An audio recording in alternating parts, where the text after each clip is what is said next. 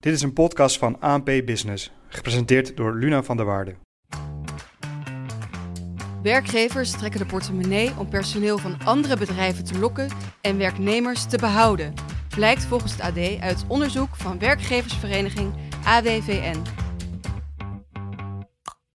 Ik spreek hierover door met Joost Fortuyn van Page Group. Wil je jezelf kort voorstellen?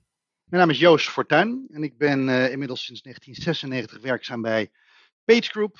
En wij zijn gespecialiseerd in, in eigenlijk alles rondom de advisering van arbeid. En dat is de arbeidsbemiddeling, maar ook de ondersteuning in hoe je dat nou het beste kunt aanpakken. En dat doen we met een aantal merken. Page Executive, Michael Page, Page Personnel en Page Outsourcing. Ja, leuk dat je te gast wil zijn in Expertkast. Uh, wat vind je ervan dat bedrijven de portemonnee trekken om nieuw personeel aan te trekken of om huidige werknemers te behouden? Ja, kijk, op zich begrijp ik het wel. We zitten in een, we zitten in een, in een arbeidsmarkt waarin een, uh, echt wel een groot tekort is aan uh, talent. Er is een gevecht op talent. Dat was vroeger altijd een beetje uh, gelinkt aan de economische conjunctuur. Als het wat slechter ging in de economie, dan was er ook wat minder behoefte aan personeel. Maar ik geloof dat de, de, waar we nu zitten, is, is iets wat blijvend is. Uh, en mensen vinden het steeds moeilijker. Dus ze zullen hun eigen medewerkers vragen om, ze, om te ondersteunen en daar ook wel wat geld voor te betalen. En ze denken dat, het, dat als ze dan een kandidaat hebben, dat ze die maar heel veel geld moeten bieden, omdat ze daardoor een interessante partner kunnen zijn. Ja, en je zegt dat uh, denken ze. Of dat zo is, valt te betwijfelen ja, natuurlijk. Ja. Inderdaad, dat is de vraag, want is het ook effectief? Werkt dat ook zo? Nou, de praktijk laat zien dat het niet zo is. Ik denk dat iedereen wel gehoord heeft van een collega die zei, nou, nou ben ik benaderd door iemand, vaak door een concurrent. En ze bieden me dit en ze bieden me dat. En toch blijven die mensen ook vaak zitten. Toch is het ook moeilijk om die mensen binnen te krijgen. Er zijn altijd mensen die gaan voor een kwartje meer en een kilometer dichter bij huis. Um, alleen dat zijn ook de mensen die heel snel weer vertrekken. Omdat een aantal andere dingen ook moeten kloppen. Natuurlijk is salaris belangrijk en het kan aanlokkelijk zijn. Um, mijn salaris is, is een beetje zoals ik dat wel eens noem, net zoals toiletpapier en koffie op, op, op de werkplek, um, is een hygiënefactor. Het moet wel kloppen. Dus als het niet klopt in de huidige werkkring, dan zullen mensen erg makkelijk weglopen daarvoor. Maar als het klopt, moeten er ook een heleboel andere dingen kloppen. Uh, om alleen maar dat salaris als aantrekkelijke overstapmotivator te laten zijn. Ja, en heb je het idee dat uh, werkgevers dat dan helemaal niet zien? Want je zegt hè, dat salaris, dat uh, is net zoals wc-papier of goede koffie. Uh, maar dat is wel wat er nu wordt gebruikt om mensen binnen te halen of om personeel te laten blijven zitten. Het is ook wel een beetje de paniek. Hè? Ik heb de artikelen gelezen in de media waarin mensen worden gelokt met salarissen en, en dergelijke. En denk ik, ja, wat, wat, wat dom. Want uiteindelijk is het een, een, een hele reactieve uh, houding naar de arbeidsmarkt. Het is een paniekhouding. Oh jee, ik moet mensen hebben, wat kan ik doen? Nou, het zal wel geld zijn. En het is niet gemotiveerd. Um, uh, wij, doen, wij doen zelf continu onderzoek naar wat mensen motiveren. En dan zie je gek genoeg, in, in, in, ook in Nederland, dat ja, natuurlijk is salaris van belang. Maar uh, net zo belangrijk als salaris is bijvoorbeeld je hele houding naar flexibiliteit. Net zo belangrijk, en dat is zo gek omdat we allemaal meer thuiswerken, blijkt dat kantoor de locatie van het kantoor en de inrichting van een kantoor, waar je, waar je als een soort clubhuis je collega's ontmoet, ook net zo van belang te zijn. Dus als je je alleen maar gaat richten op één ingrediënt van die mix, ja, dan wordt het, dan wordt het nooit echt een, een, volledig, uh, een volledige propositie waar mensen tevreden mee zijn. Ja, ja want je zegt uh, de flexibiliteit en uh, de inrichting van het kantoor. Wat zijn andere dingen die werkgevers kunnen doen om personeel aan te trekken? Het belangrijkste is zorg dat je belooft wat je zegt. Hè, dat, mensen, dat de verwachting die je creëert bij mensen ook wordt waargemaakt. Ga niet mensen allerlei beloftes doen en als ze binnenkomen is het weer anders. Zorg ook niet dat je uh, alleen maar die aanbrengbonus uh, geeft en daarna uh, zijn de arbeidscondities, of in ieder geval de, de, de, monetaire condities, zijn niet meer zo goed. Maar ja, er zijn een aantal dingen belangrijk. Work-life balance, flexibiliteit. En dan moet je ook heel duidelijk zeggen, wat, dan moet je ook die definitie van flexibiliteit, moet je het met elkaar over eens worden. Want dat, die wordt ook nogal breed geïnterpreteerd. Ontwikkeling en ambities. Kijk, we zitten nou eenmaal in de. Klinkt een beetje als een, een onaardig tijdperk, maar we zitten in het tijdperk van de Great Resignation. En de Great Resignation, die is er en die, en die blijft, die gaat nooit meer weg. Dus uh, het, is, het is niet van belang van hoe, hoe ga je nou zorgen dat je dat gaat stoppen, maar hoe ga ik ermee om? Dat betekent mensen helpen hun ambities te realiseren. En die ambities kunnen bij jou zijn in je werkomgeving, in je eigen organisatie, maar ook ergens anders. Ontwikkelen van mensen, hun carrière ondersteunen. Uh, waar doe je dat en, en, en, en wie is daar nog meer? He, collega's, de sociale kring, de baas, he, de omgang, de relatie met je manager, de relatie met degene die je moet ondersteunen om je ambities te halen. En dan komt die beloning ook wel terug. Die moet wel kloppen, ja.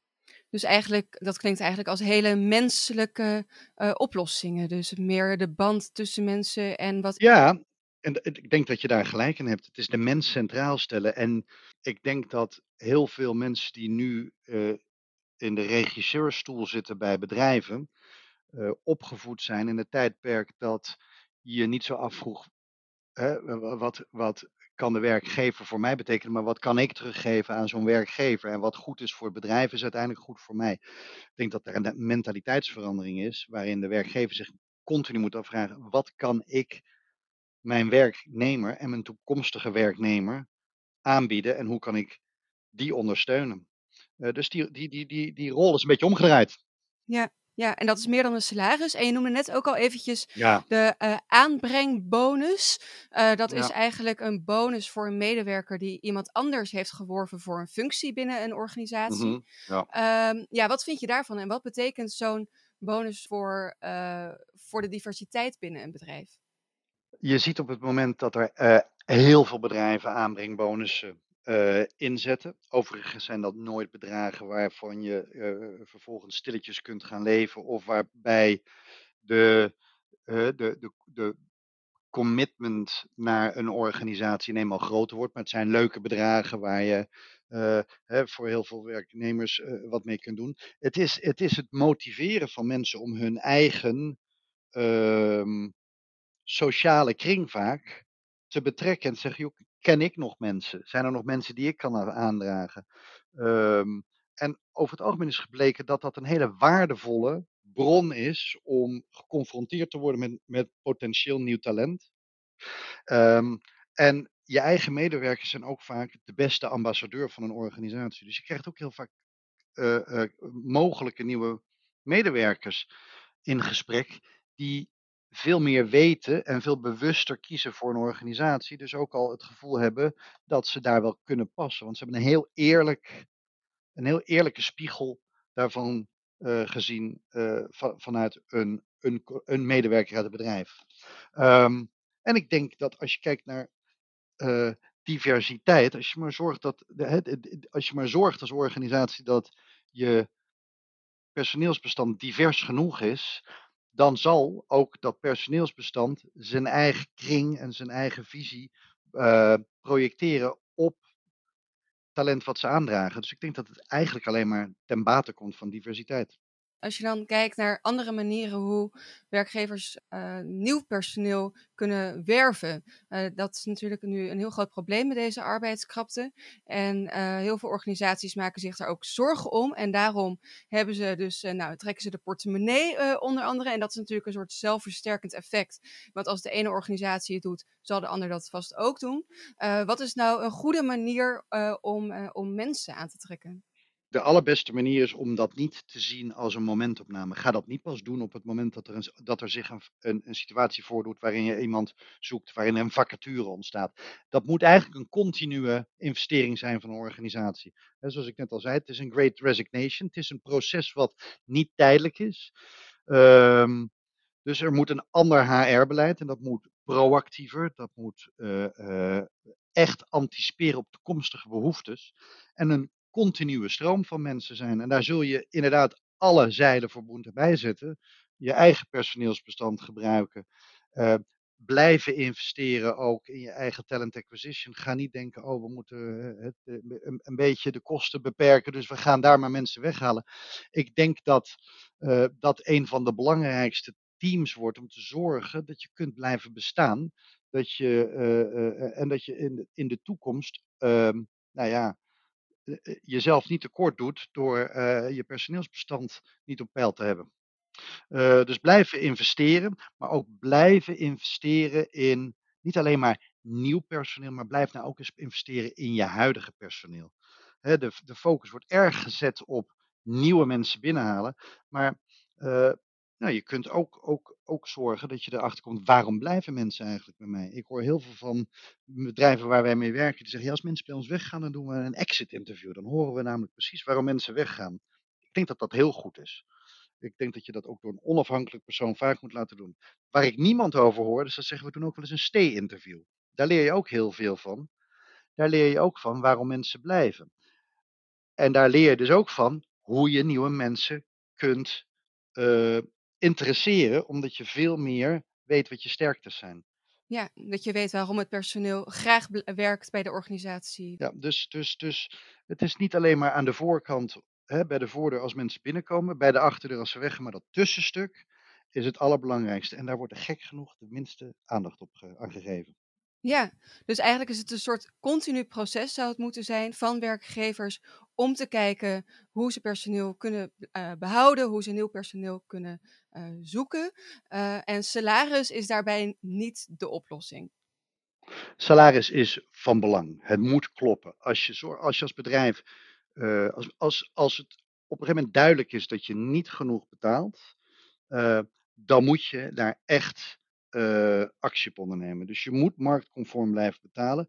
Doe dat ook niet met allerlei benefits, want benefits, uh, allerlei leuke extraatjes, die vervangen geen salaris. Dus ook die aandraagbonus van een paar honderd euro, of misschien in sommige gevallen wel een paar duizend euro, die vinden mensen leuk, maar is geen vervanging van salaris. Die, die, die basis van het salaris moet kloppen.